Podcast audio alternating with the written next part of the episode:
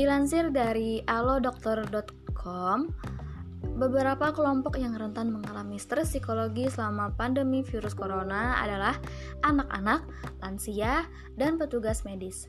Tekanan yang berlangsung selama pandemi ini dapat menyebabkan gangguan berupa ketakutan dan kecemasan yang berlebihan akan keselamatan diri sendiri maupun orang terdekat, perubahan pola tidur dan pola makan, bosan dan stres karena terus-menerus berada di rumah terutama pada anak-anak yang terbiasa bermain-main.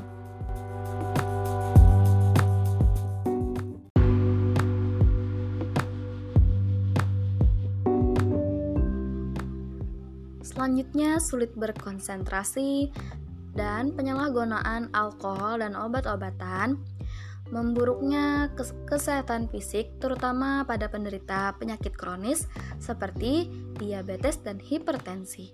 Dan yang terakhir, munculnya gangguan psikosomatis.